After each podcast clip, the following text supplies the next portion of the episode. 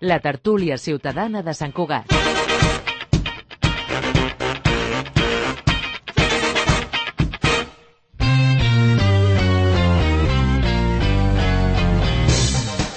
Bon dia, són un quart de deu del matí del dimarts 7 de març del 2023. Us saluda Albert Soler Bonamussa. Comencem la tertúlia ciutadana de Sant Cugat, un moment per prendre el pols de la ciutat amb quatre representants del que anomenem la societat civil de la ciutat. Recordeu que totes les tertúlies es poden escoltar per la ràdio eh, analògica, la ràdio de tota la vida, la FM, a través de la 91.5, però també a través d'internet, o ben directe, o bé podreu recuperar aquesta tertúlia posteriorment. No m'entretinc més, saludo als tertulians que ens acompanyen avui. Per un costat tenim a Xènia Amorós, veïna de la Floresta, molt bon dia. Bon dia. Jordi Pasqual, periodista del Cugatenc, molt bon dia. Bon dia.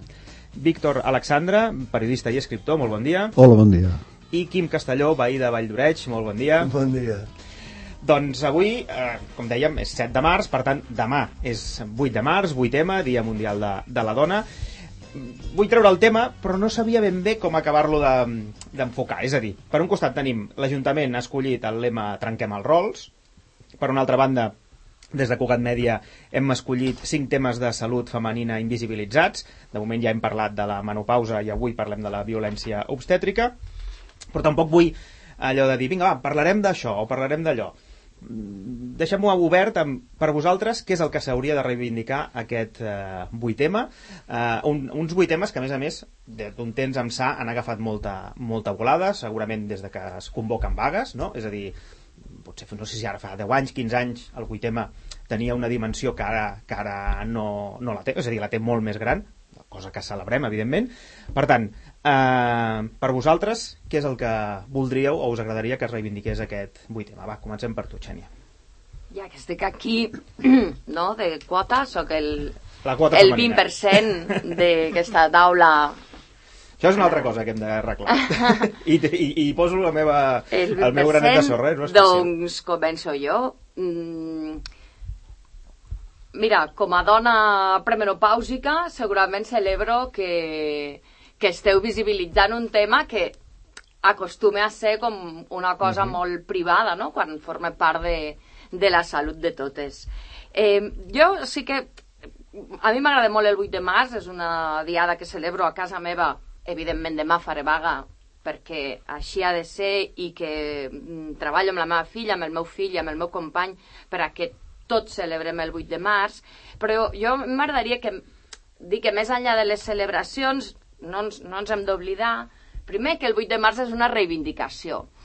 I una reivindicació vol dir que hem d'anar més enllà de em pinto un simbolet feminista a la galta de color lila, em poso una samarreta lila o un mocador lila i me'n vaig a celebrar. És un dia de reivindicació, és un dia que des de 1910, quan la Internacional Socialista de les Dones va aprovar a Copenhague la celebració d'aquest d'aquesta celebració, d'aquesta diada, doncs han hagut de passar molts anys perquè encara seguim no? eh, reclamant els nostres drets. Penseu que fins al 75 no va ser que l'ONU va decidir incorporar el Dia de la Dona en el seu calendari de celebracions. Vol dir que les institucions van com 60 anys més endarrerides del que va anar la societat civil organitzada en aquell moment. I en un dia de celebració no podem oblidar que estem en deute amb moltes dones, amb totes aquelles que han lluitat abans que nosaltres, i aquí Sant Cugat, per exemple, amb les noies dels 8.000 motius, que tenim totes més de 8.000 motius per donar-los suport en, en la seva lluita. A mi m'agrada el 8 de març, però també m'agradaria que tinguéssim totes clar que el canvi, la transformació social que es demana el 8 de març s'ha d'aplicar cada dia. Nosaltres necessitem que hi hagi un canvi social i un canvi cultural en la nostra vida quotidiana. No només el 8 de març, no només en plena tertúlies el 8 de març de dones, ni parlar en la setmana del 8 de març de problemes de salut femenina. La salut femenina la tenim tot l'any i volem sentir tot l'any què ens passa. I podria seguir amb el meu alegato, amb el meu míting feminista, però em reservo perquè segur que després sortiran coses que em vindrà de gust dir. Segur que sí. Moltes gràcies, Xènia. Víctor? Sí, um, bé, um, em sembla que originalment aquest dia es deia Dia de la Dona Treballadora, Uh -huh. eh, sortosament ha anat canviant eh, encara, bé, oficialment potser encara ho és però bàsicament s'ha acabat internacionalitzant com el dia, bé, el dia internacional de les dones no? Perquè eh, no és només una reivindicació pel, pel, pel, per el tema treballadora sinó que la dona, de fet, encara que moltes vegades es considerava que no treballava treballava tant o més que el marit. Eh, la diferència és que ella treballava a casa i ell treballava fora. Eh, però eh, pel que fa al tema aquest és un eh, és d'aquestes dates del calendari que com, com n'hi ha d'altres que en el fons el millor fora que no existissin i malauradament han d'existir. Han d'existir perquè eh, amb la seva existència denoten que hi ha una regularitat, hi ha coses que no funcionen en aquest món i hi ha moltes altres dates que també són, no són dates de celebració sinó que són de reivindicació. I llavors ens trobem amb el dia de les víctimes de l'Holocaust, amb el dia dels infants soldats, amb el dia dels, dels abusos als infants, etc etc, que són dates que jo penso que són xacres de la humanitat, que vol dir que la humanitat ha avançat tecnològicament, però continua eh, pràcticament amb les, amb les pulsions de l'ésser humà més primitiu, més primari, i ens continuem matant per les mateixes raons que es mataven fa mil·lennis, exactament les mateixes. Hem, hem sofisticat les maneres, però bàsicament és el mateix, no? I, i en el cas de la dona, clar, això ve de... Ve, clar, és que, a veure, la societat patriarcal és, és, és, dels, és, és de sempre. Aleshores, desarrelar això, que està tan, tan, tan arrelat en la ment de l'ésser humà, de les dones també, eh, costa moltíssim. I les campanyes, home, ajuden, i realment el, aquestes dates, clar, són reivindicatives i ajuden a això.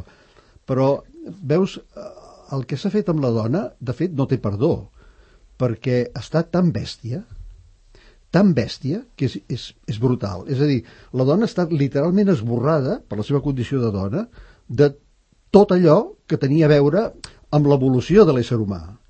Era com un ésser de segona fila que està allà i hi ha hagut se l'ha apartat de la ciència, se l'ha apartat del pensament, se l'ha apartat de les arts i hi ha hagut pensadors, eh, gent, home, que els tenim com a tòtems, eh, tenim, eh, no sé, Schopenhauer, tenim a Rousseau, tenim a Kant, a Strindberg, a Nietzsche, que eren autèntics misògens. Deien que la dona no tenia intel·ligència per dedicar-se a les arts, que era un ésser que no. És a dir, i tot això, aquests, aquests són els, els tòtems de la, de la nostra cultura, no? occidental en tot cas. I, i després et trobes tota una sèrie de dones que han intentat eh, traspassar aquestes, aquestes tanques i que algunes van haver-ho de fer amb nom d'home. I van haver de... Eh, tenim el referent de la Caterina Albert, però uf, és que arreu dels països n'hi ha moltes. Hi ha la Cecilia Bell de Faber, la, la Marian Evans, tenim la, les tres germanes Bronte, que van agafar noms masculins d'homes que els eren properes, propers. Tenim pintores, també. Hi ha la, la, la Filomena Laperche, la, la Margaret King, que signava amb el nom, el marit, signava amb el nom del marit, tenim la, la, la Colette, ella, ella escrivia i el marit signava. Ah, fantàstic, no? I després et trobes doncs, amb casos com la Berta Morisot, la pintora, que era la dona del Manet, de l'Eugène Manet, que no era un pintor tan bo com l'Eduard Manet. La Berta Morisot era molt bona pintora, impressionista, molt bona. Mires la, la, la, la làpida, on està enterrada, i consta com a vídua d'Eugent Manet. o sigui, i era més bona pintora que ell. O sigui, això et demostra fins a quin punt, no?, com estem empaltats d'aquesta cultura eh, falocràtica de la costarà molt desarrelar-la, no? Costarà molt, i per això tot això, la, la manca d'equiparació en temes salarials, de desigualtat, afavoreix indirectament els abusos sexuals, afavoreix també l'assetjament laboral, perquè la dona, al tenir uns ingressos precaris, com tot ésser humà amb ingressos precaris, és més vulnerable i accepta més, la submissió és més submisa que la persona doncs, que, que és solvent, oi? Molt bé. Gràcies, Víctor. Endavant, Jordi. Mm. Bé, després de la intervenció de la, de la Xènia em costa dir gaire més, no? Però um, un, poc agafant la línia de, del que deies del canvi de nom del, del Dia Internacional, que ho ha dit el Víctor, um, jo crec que aquesta és part de, del, del que ha passat en els últims anys, no? de com ha anat desdibuixant-se part de la lluita. No? És a dir, el, el feminisme també parla d'interseccionalitat, parla d'elements de classe, parla de, de coses que té sentit que en el títol, per propi origen de la, de la diada, no? uh, tinga el, el dona treballadora com a titular. Podem posar dones, però això no vol dir que no parlem de les altres interseccionalitats que afecten. Uh, I per tant hem de parlar de raça, hem de parlar de classe, hem de parlar d'un munt d'altres elements que afecten a, a aquestes opressions que se sumen unes a altres, no? Uh, I el que em tem és que en, en els últims anys, tot, sí que, tot i que sí que han tingut una onada feminista, que jo crec que ha servit molt per a conscienciar, per a mobilitzar a la gent, per a que forme part del debat públic, per a que quan comencem una tertúlia com aquesta, Xènia diga, ei, que sóc la quota, tot això, que està molt bé que, que passe, també ha estat aprofitat per certs sectors per a desdibuixar la reivindicació i plantejar-ho pràcticament només com a eslògans, allò de les samarretes de soc feminista, però la samarreta està feta segurament per una dona explotada en Bangladesh o no sé on. No? Per tant, jo crec que el... el, el o, per, o per nens. O per nens. Sí, sí. Um, llavors, el, el, el repte que crec que, te, que tenim després d'aquests de, quants anys ja de, de mobilitzacions feministes importants uh, crec que és precisament tornar a centrar el debat, que el, que el feminisme no, no es convertisca en, en una cosa abstracta, sinó que allò que diuen els moviments socials, que han de ser els protagonistes uh, d'aquesta jornada, uh, siga el que es debat a, a nivell públic, siga l'abans de drets que volem, que no es convertisca en un quadre que ens mirem des de fora i diem ai que bonic, però ja fins l'any que ve, no? I crec que el, el risc que correm és, és aquest, malgrat tot, sempre hi ha la contradicció, no? Quan una cosa és molt gran, també se'n parla més, no? I serveix per a posar debats com aquest mateix sobre la taula, no? Per tant, és un equilibri entre les dues coses el que hem viscut, però davant del risc d'això, no? De perdre els motius originals i, i els que han anat sumant-se a mesura que, que ha avançat la teoria feminista. Molt bé. Tim? Molt bé. Jo estic molt d'acord amb, lo, amb tot el que has dit tu, eh, Víctor. Eh, aquest matí he escoltat una notícia que l'he enganxat així una mica al vol, que una personalitat, em sembla que era de l'ONU, estava escrita en el Daily Mirror i en l'Spiegel, que els drets, la igualtat de la dona encara trigaria 300 anys en estar. Eh, parlant de reivindicacions, eh, jo la reivindicació que faria, i seré molt breu, que els drets de la dona han d'arribar arreu del món, perquè el que està passant por ahí és esparverant. Aquí tenim els nostres problemes, evidentment. Eh, el tema que parlaves tu de les violacions, eh, ara tres nenes per un tiet a no sé quin poble d'aquí de la costa que les dormia, les emborratxava. Bueno, tot això és, és, és i perdoneu, mm, un, un disbarat però la meva reivindicació en aquest cas seria, eh, diguem, mundial, o sigui, es tindria que buscar un eslògan, alguna cosa que digués això que està passant amb les dones a Afganistan i tots aquests països és esparverant, jo cada vegada que ho veig eh, és que em torna boig. I si he sigut feminista, he sigut masclista molt de temps, perquè vaig, vaig créixer amb una mare que em va fer masclista. Eh? Eh, la meva mare mm, era una manxega de molt cuidado que que no, no, no es deixava amilanar per, per ningú. Una vegada va tenir un problema amb el meu pare, per dir que ho expliqui així, i va dir, mm, si me pegues no te duermes. Vale? Eh, vist això, vist això eh, mm, deixant això a part, eh, he de reivindicar eh, el dret de la dona arreu del món. Molt bé, moltes gràcies, Quim. Um, relacionat amb si aquesta onada reivindicativa han provocat canvis, no? que demanava el Jordi, hem de passar al següent estadi. no sé si aquesta... Uh, ara no sé si és una llei, però en tot cas és una uh, directiva europea que s'haurà de transposar, que és la de la paritat que va anunciar el Pedro Sánchez el dissabte, la paritat tant en Consells de Ministres, Consells d'Administració uh, i organismes públics, etc etc. Si això, diguem, potser no s'hagués arribat si no fos per aquesta onada, o això és allò una mica de feminisme washing, o diguem-li com vulguem. Com ho veieu? Purple washing, o no? purple washing, exacte. El tema de les, de les quotes i les lleis mm, de paritat és un debat molt ampli, no? Perquè els que les critiquen normalment ho fan sostenint la, el seu argumentari en la meritocràcia. Però totes sabem, i des de fa molts anys que sabem, que la meritocràcia no és més que una estratègia de mantenir l'estatus de privilegi en els que ja són privilegiats. Posem un exemple per si això és, no s'entén. Eh, per exemple, a les universitats arriben moltes més persones de classes mitjanes i altes que persones de classes humils. Això es deu a les seves característiques biològiques? Doncs no, es deu a, a una situació de privilegi de partida. Per tant, criticar no? les, les lleis de quotes des d'aquesta mirada meritocràtica, jo crec que és una mica fer-se trampes al solitari, no? A mi no em sembla que sigui una bona estratègia.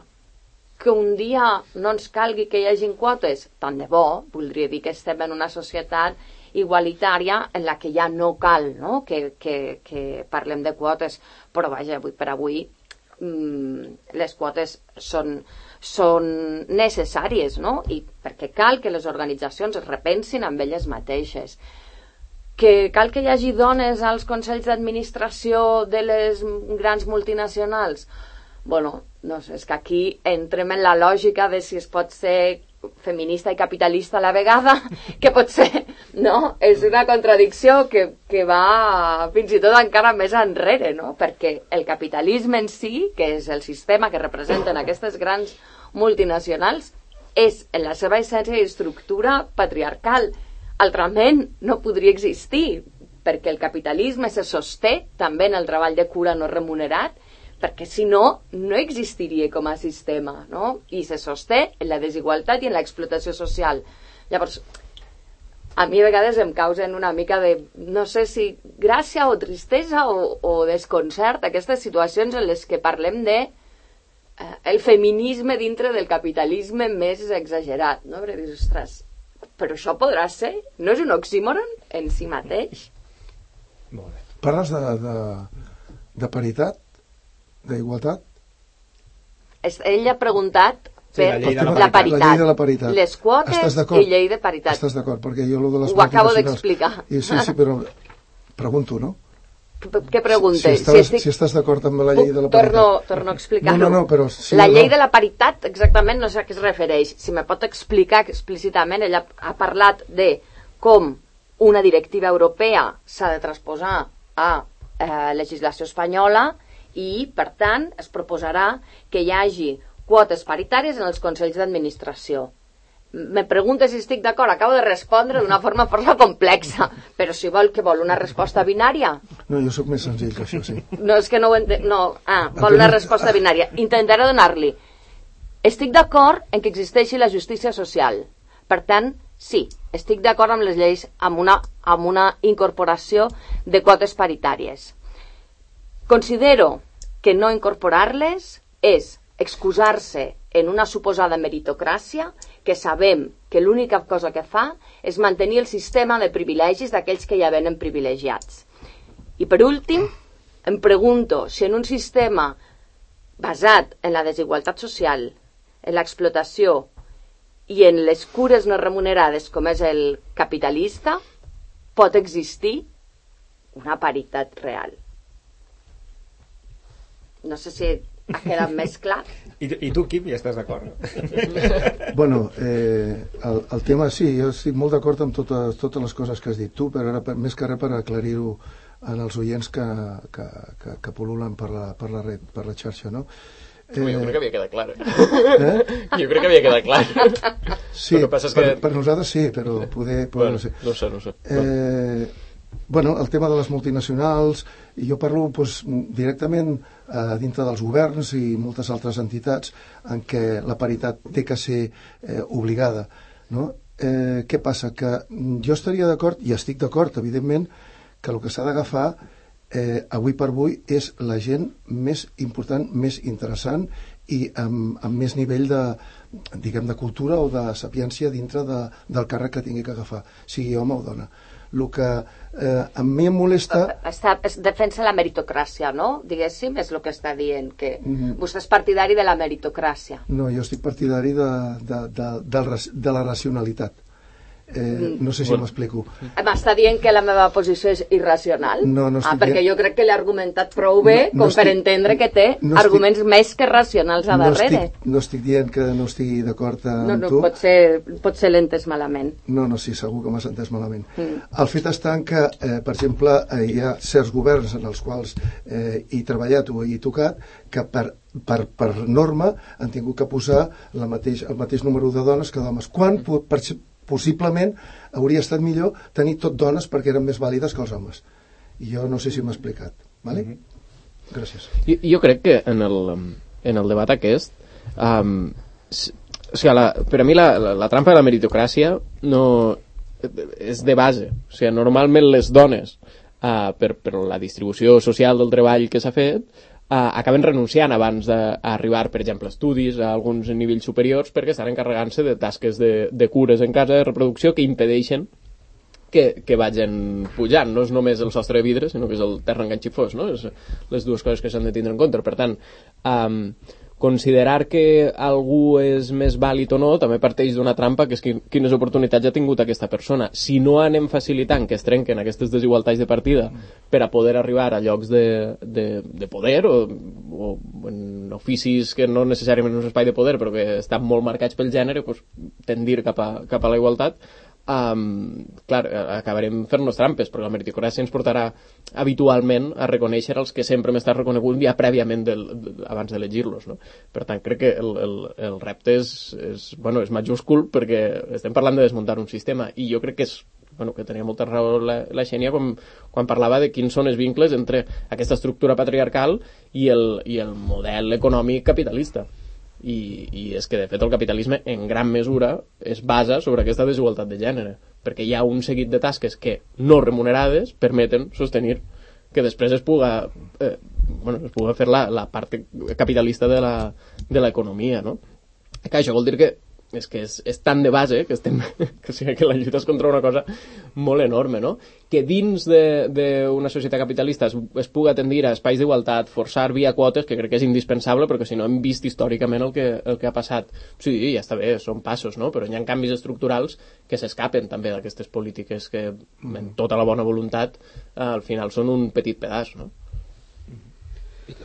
Sí, eh, clar, en el tema públic és més fàcil eh, controlar aquestes coses i de fet ja es veu, ja és ben visible eh? Eh, en, el món, en el món tot el que pertany a, per exemple, a mitjans de comunicació públics aquí mateix a Cugat Mèdia em sembla que, jo diria, no sé, és una percepció però diria que hi ha més dones com és diria, eh? però igual m'equivoco que els hauria de comptar, però, sí, però si no estarem molt, molt, Déu molt igualats, no? Sí. Déu. Mm. També és normal perquè de fet la professió periodística s'ha feminitzat moltíssim és a dir, en, antigament eh, la professió de periodista era, era absolutament masculina és, dir, és que era impenetrable que les dones poguessin ser periodistes hi ha pel·lícules americanes on es veu realment aquesta, aquesta eh, com una cosa raríssima i l'assetjament o les burletes o la sornegueria que rebia de tots els companys masculins i en el millor dels casos un cert paternalisme no? eh, com, com, com si fos la mascota eh? la periodista dona era la mascota de tots els, els altres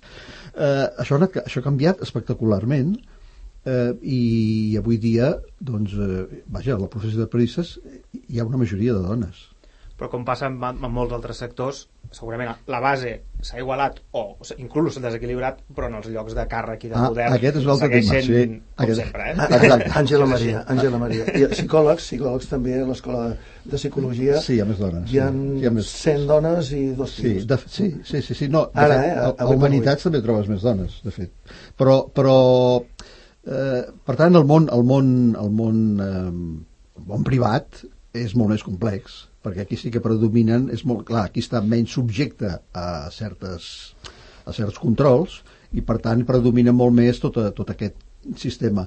El que passa és que eh, el, el capitalisme eh, pot acabar, i acabarà segurament fent amb el feminisme el mateix que ha fet, que va fer al principi quan apareix una cosa que mm, qüestiona el sistema, el sistema es revolta però després quan veu que el sistema quan veu que d'allà en pot treure benefici econòmic l'incorpora i el, escolta, amb els hippies amb la música rock, tot això és a dir, eh, primer hi havia, hi havia una, una, un rebuig absolut social contra, contra, contra aquells individus. A partir del moment que la indústria va veure que aquella gent podia tenir poder adquisitiu i comprava discos i era un negoci allò es va incorporar amb el feminisme, home, doncs escolta, doncs aquí podem vendre moltes, moltíssimes coses aprofitant la reivindicació feminista, no cal que ho siguem, mentre, mentre, mentre venguem és a dir que és, és, és brutal, no? El sistema, eh, per tant, sí que és realment pervers ser feminista i ser eh, netament capitalista.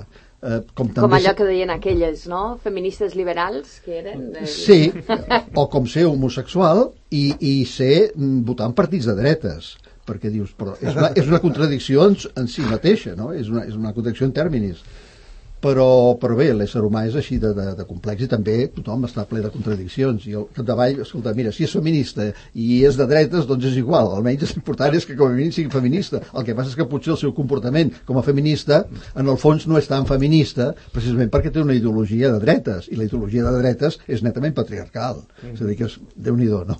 Sí, sí si voleu, canviem de, de tema perquè m'agradaria parlar d'un segon tema jo no sé crec... si vull ja no sé si vols. Bueno, no, no, disculpa. No, si estàs molt bé, home, estàs molt bé. Mira, no, jo per... Ah, va, vull afegim, tancar, afegim. Vinga, va, vull tancar, vull tancar amb una frase de l'Àngela Davis, perquè, no, ja que mhm. -huh. avui em deixeu, doncs m'esplaio. Sempre et deixem, Xènia, sempre et deixem. No em deixeu parlar d'aquest tema.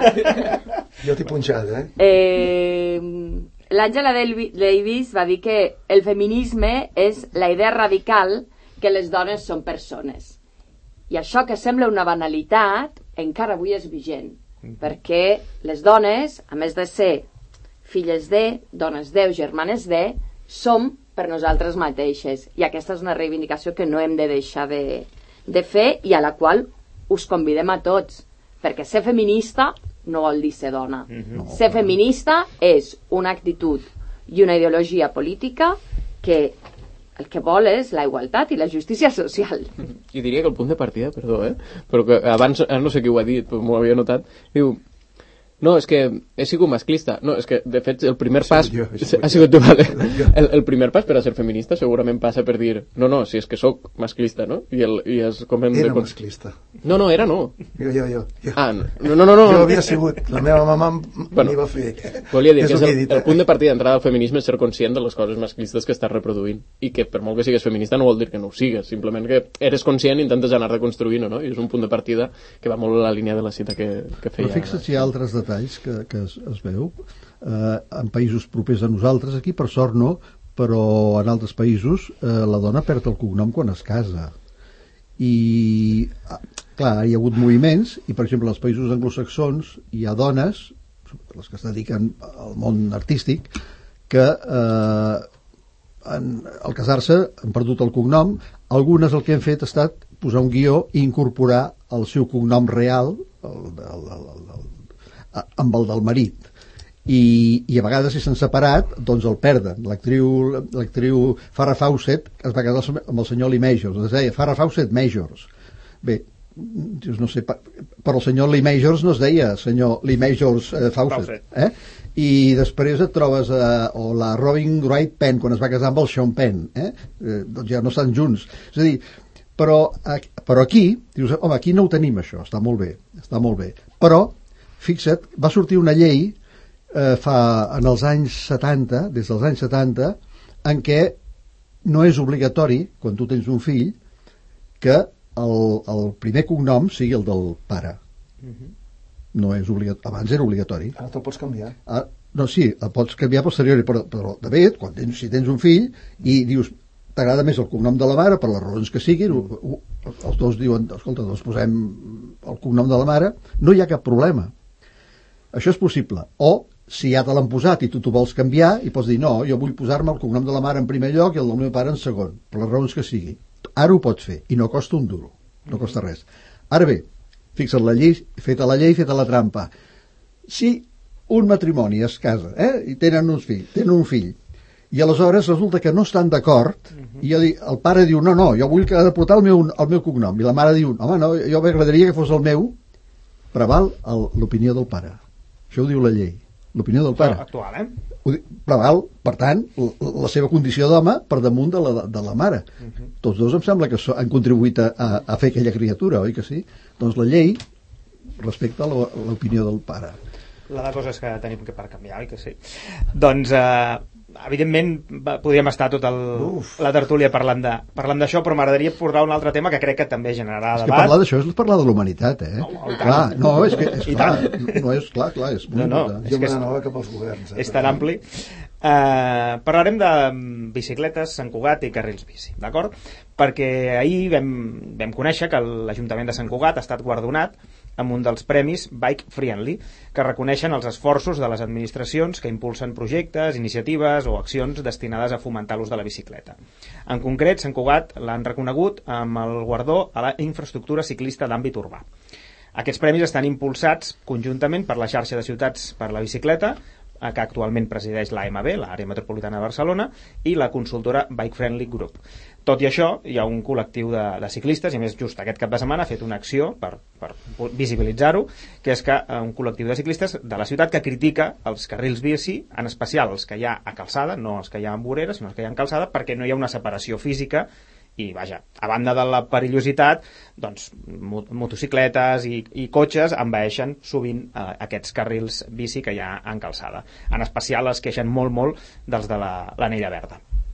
Per tant, en aquesta taula tenim dos ciclistes habituals que es mouen per la ciutat. De fet, avui, Xènia, has vingut de la Floresta amb la teva bicicleta i l'has aparcat. Elèctrica, que ningú es pensi que sóc l'Indurany, que no ho soc. Ja ho havies dit, ja em ho moc amb bicicleta Cada- cada- elèctrica. cada- cada- Per tant, viviu cada dia amb, aquests, amb això, no? Diríem, tenim una ciutat que es mereix un premi a la, a la millor infraestructura o tenim encara moltes coses a millorar com les que es queixa aquest col·lectiu de, que es queixa dels carrils bici?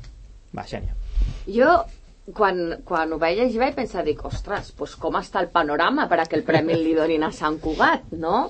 Perquè, per mi, mm, ens queda molta feina a fer per, per fer un, un canvi, una transició un model de mobilitat més sostenible, en què el cotxe deixi de tenir privilegi de l'ús de l'espai públic i que bicicletes, però qui diu bicicletes, diu persones caminant, diu persones amb patinet elèctric o no elèctric, la gent amb cotxets o amb patins, m'és igual, no? Un altre model que aquí a Sant Cugat seria perfectament assumible i pensava, dic, pues si li han de donar a Sant Cugat el panorama no sé quin, quin deu ser, no? Mm. Perquè aquí el que està costant, per exemple, coses com la pacificació dels entorns escolars i les tensions mm, que generen fins i tot a venir una moció institucional aprovada, que no sé si ho sabeu, però l'any passat es va aprovar una moció institucional al respecte de la pacificació dels entorns escolars, està sent una lluita duríssima, no?, per a, per a les famílies i les persones que creiem que hi ha d'haver un altre model de sostenibilitat, un altre model de mobilitat. Doncs jo, això em va sorprendre.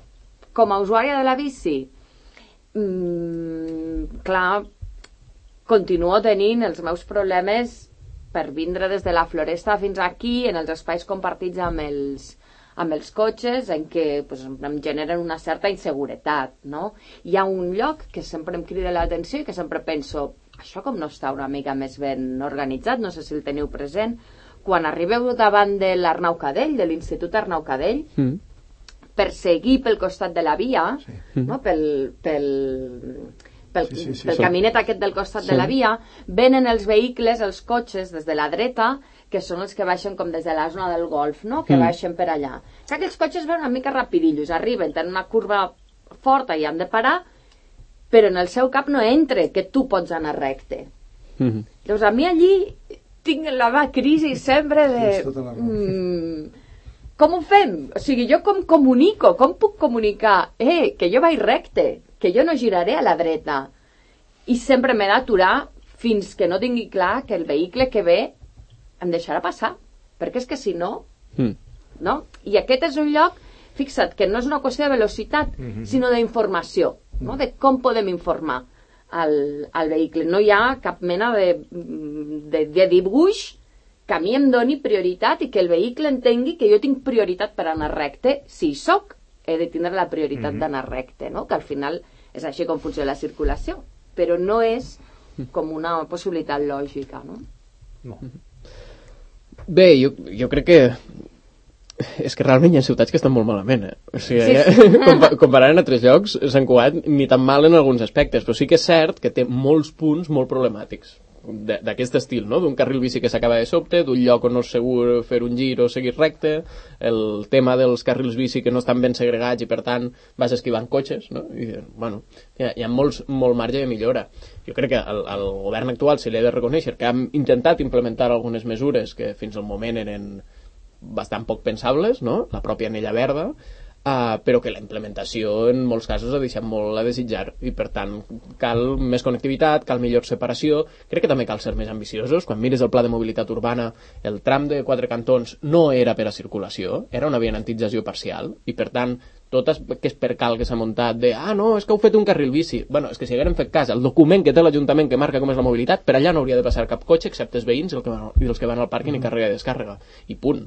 Per tant, eh, bueno, jo, jo entenc que, que no és fàcil prendre decisions polítiques que intenten tocar els hàbits de la ciutadania, però, però al final en una situació d'emergència climàtica com l'actual és, és inevitable. I tot això més s'ha d'acompanyar de mesures que faciliten l'ús de la bicicleta i que faciliten l'ús d'altres transports alternatius per a el percentatge de població que puga no, no agafar una bicicleta. I per tant una millora per exemple del transport públic. Tampoc estic d'acord amb aquesta imatge de partida que es diu no, és que la gent gran no agafa la bici bueno, vés a depèn de quin poble i veuràs si la gent gran agafa la bici o no i Sant Cugat té fama de ser complicat d'anar en bici, però és un poble molt més pla del que ens creiem, sí. que les pujadetes que hi han no són tan tan grans fins que no comencen a pujar cap a Collserola i es solucionen una bici elèctrica com bé, com bé deia Xènia, vull dir que tampoc és tan problemàtic. Jo he pujat en la meva bici precària no elèctrica fins a la floresta, no sóc indurain, he suat una miqueta, però allà arriba, no? Vull dir que, ostres, que de vegades eh, dona la sensació que tenim l'hàbit d'anar en cotxes llocs tan interioritzat que, que el, el no agafar la bici o no mirar quina combinació de transport públic és millor per a arribar al mateix lloc, de vegades és més una excusa que no una realitat. Mm-hmm. I això no implica que s'ha de millorar la infraestructura ciclista, evidentment, perquè a hores d'ara la gent és sent insegura quan va en bici, jo el primer, i després que s'ha de millorar també tota l'oferta de transport públic que hi ha, que és evident que cal una revisió, però això és una altra història bastant més complexa, així que ho deixem per un altre dia. Molt bé. Endavant.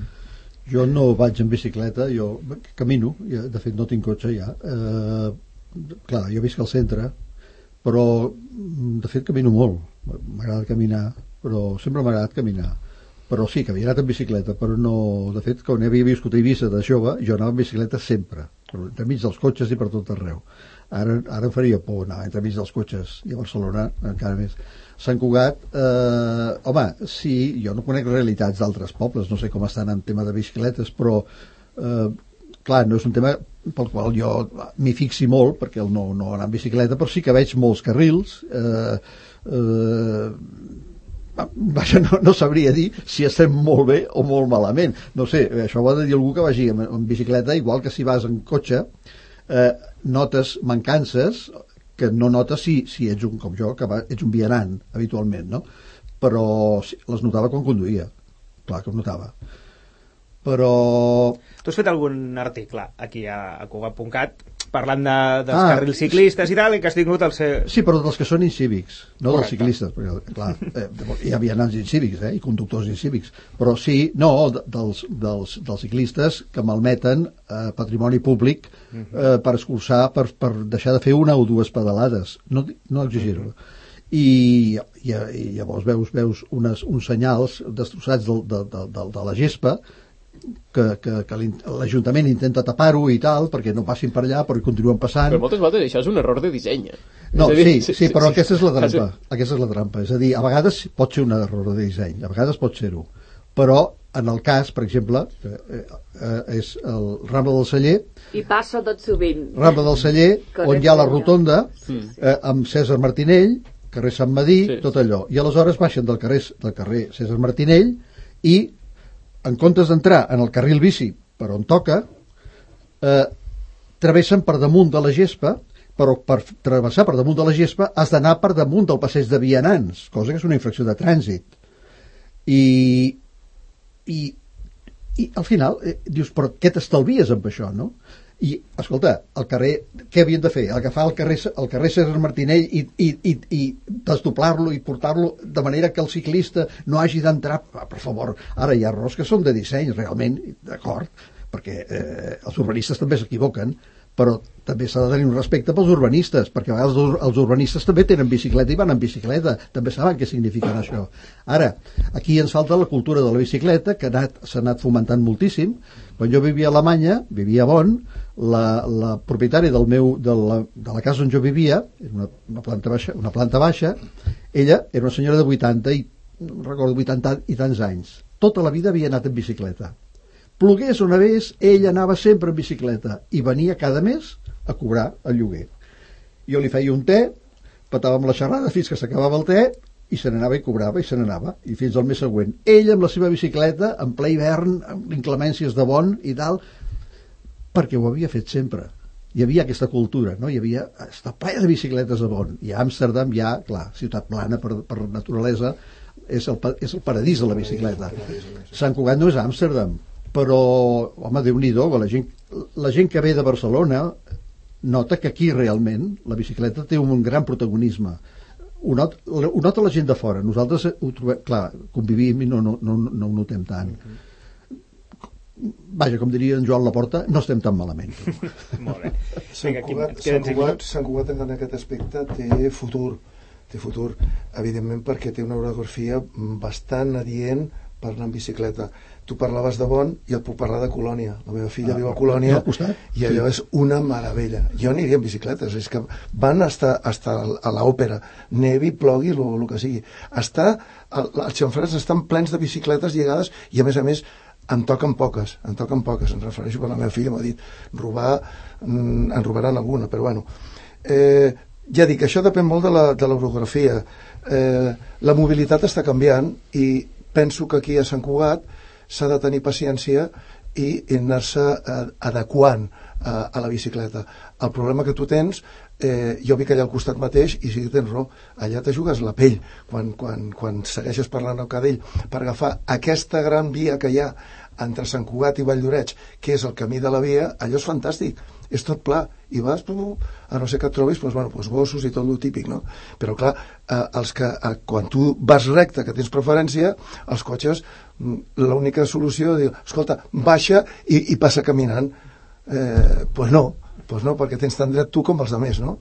Ja dic que és, eh, és qüestió d'orografia. I abans feia, no feia broma però Valldoreix, per exemple, penso que no és adient per anar, per anar en bicicleta. Té una orografia que eh, jo quan estava a l'MD pues, anava des del carrer Molí que està al costat d'on tu, tu dius fins a l'MD i la veritat és que fins a arribar a la plaça Can Cadena tenia una pujada important i havia fet bicicleta, sí, sí, per, per mi, eh? Potser per tu no.